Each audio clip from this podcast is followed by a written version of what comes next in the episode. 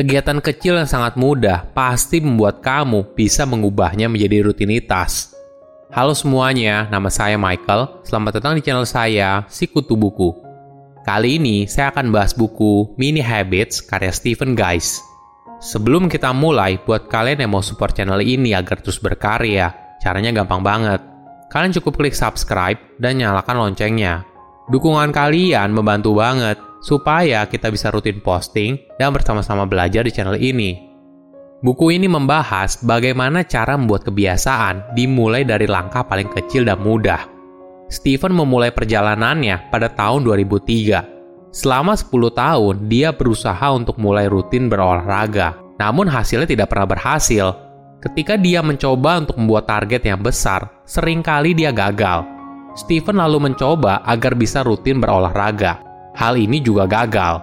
Seperti kebanyakan orang lainnya yang sudah mencoba dan gagal, Stephen berpikir kalau dia adalah sumber masalahnya.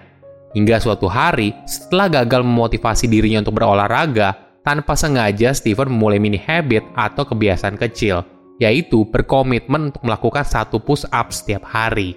Dan ternyata kebiasaan ini membuatnya bisa melakukan satu set olahraga penuh secara rutin. Kejadian ini membuat Steven berpikir ulang. Mungkin selama 10 tahun kegagalan, masalahnya bukan ada pada dirinya, tapi strateginya yang kurang efektif.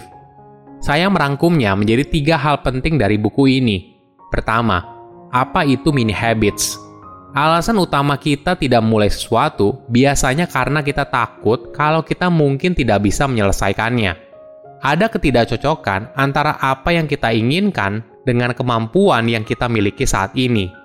Keinginan yang besar menjadi tidak berguna apabila tidak memberikan hasil. Banyak penelitian yang menyatakan kalau kebanyakan orang terlalu percaya diri atas kemampuan mereka dalam mengontrol diri mereka sendiri. Contoh sederhananya seperti membuat target besar yang kelihatannya sulit dicapai. Kita beranggapan setelah kita membuat target, maka kita akan menemukan jalannya sendiri, Kenyataannya tidak semudah itu. Ada fakta yang harus kita ketahui bersama. Pertama, melakukan hal kecil tanpa henti lebih baik daripada tidak melakukan apa pun. Kedua, melakukan hal kecil setiap hari lebih bermakna daripada melakukan hal besar satu kali. Kamu bisa sukses membangun kebiasaan tanpa rasa bersalah, intimidasi, atau kesalahan berulang tanpa harus menggunakan strategi resolusi tahun baru atau lakuin aja. Nyatanya, jika strategi itu tidak bisa memberikanmu hasil yang bagus, maka lebih baik kamu hentikan aja. Strategi itu tidak berhasil karena kamu melakukan tindakan yang bertentangan dengan alam bawah sadarmu. Ini adalah pertarungan yang sulit kamu menangkan. Kamu harus bermain dengan aturan yang dibuat oleh otakmu dan mulai menyadari batasan manusia. Maka kamu baru bisa mendapatkan hasil yang bertahan lama. Mini habit atau kebiasaan kecil adalah perilaku positif kecil yang kamu paksa dirimu sendiri untuk melakukannya setiap hari. Ibaratnya, ini hal yang sangat kecil dan mudah sehingga tidak mungkin bila tidak dikerjakan. Karakternya yang sangat kecil dan mudah membuat kebiasaan ini mampu membujuk otak kamu untuk mengerjakannya. Hasilnya, kamu pasti terus membuat kemajuan selangkah demi selangkah.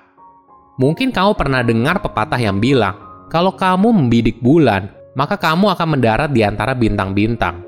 Pesan moralnya adalah kamu harus membuat target setinggi mungkin dan apabila kamu gagal, setidaknya kamu pasti sudah melangkah jauh. Stephen punya pandangan yang berbeda. Bagi dia, pepatah ini bertentangan dalam membangun kebiasaan baik seperti produktivitas atau kesehatan. Ketika kamu membidik bulan, kamu mungkin tidak akan melakukan apa pun karena bulan terasa sangat jauh. Tapi jika kamu membidik satu langkah di depan kamu, maka kamu mungkin akan melangkah terus-menerus hingga akhirnya kamu mencapai bulan. Kedua, kebiasaan dan cara kerja otak. Riset dari Duke University membuktikan 45% dari perilaku kita berasal dari kebiasaan. Contohnya begini, ketika kita sedang mandi atau gosok gigi, kita hampir tidak pernah berpikir kan saat melakukannya. Alasannya karena kita mengubah kegiatan harian tersebut menjadi kebiasaan. Untuk menghemat energi, otak kita melakukan otomatisasi pada berbagai hal yang sudah dilakukan berulang kali. Ketika sebuah kebiasaan sudah terbentuk, maka otak akan sulit untuk mengubahnya. Oleh karena itu, idealnya kita harus pengaruhi sebuah perilaku tersebut sebelum hal itu menjadi sebuah kebiasaan. Menariknya, Jangka waktu sebuah kebiasaan terbentuk sangat bervariasi dan bukan dalam waktu 21 sampai 30 hari. Kenyataannya, kebiasaan terbentuk antara 18 hari hingga 254 hari dengan rata-rata 66 hari atau sekitar 2 bulan lebih.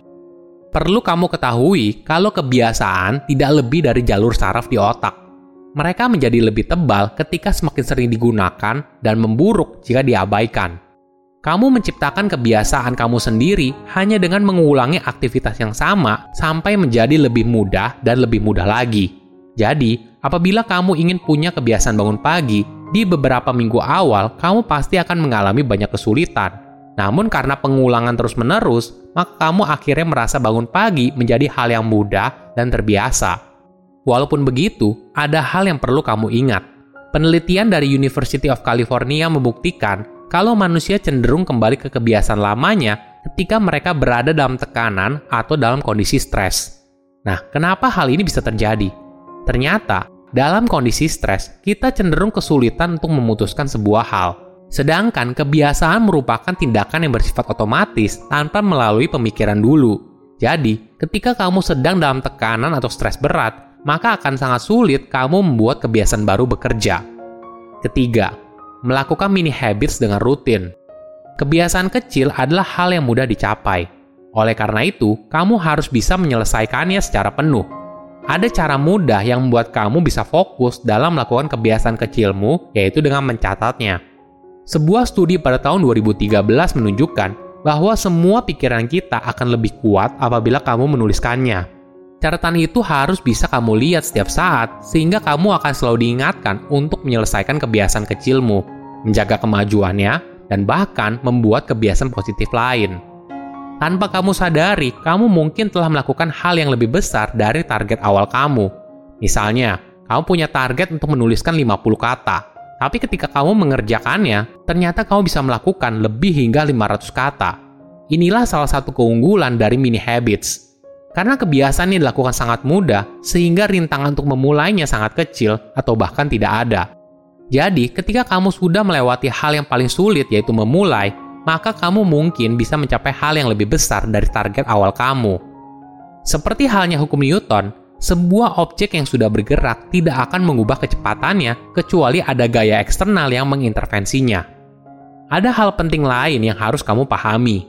Misalnya, kamu melakukan tantangan satu kali push up setiap hari. Namun di hari kelima, ternyata kamu sangat termotivasi dan melakukan 15 kali dalam sehari. Ini tentu saja sebuah pencapaian yang luar biasa.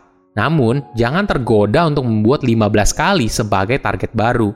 Ingat, ini pencapaian terbesar kamu dan tidak bijak apabila kamu menggunakan pencapaian terbesar kamu menjadi target berikutnya di masa depan. Kamu akan cenderung kesulitan membuatnya konsisten karena energi yang digunakan untuk melakukannya sangat besar. Sebaliknya, kamu harus melihat pencapaian ini sebagai sebuah bonus.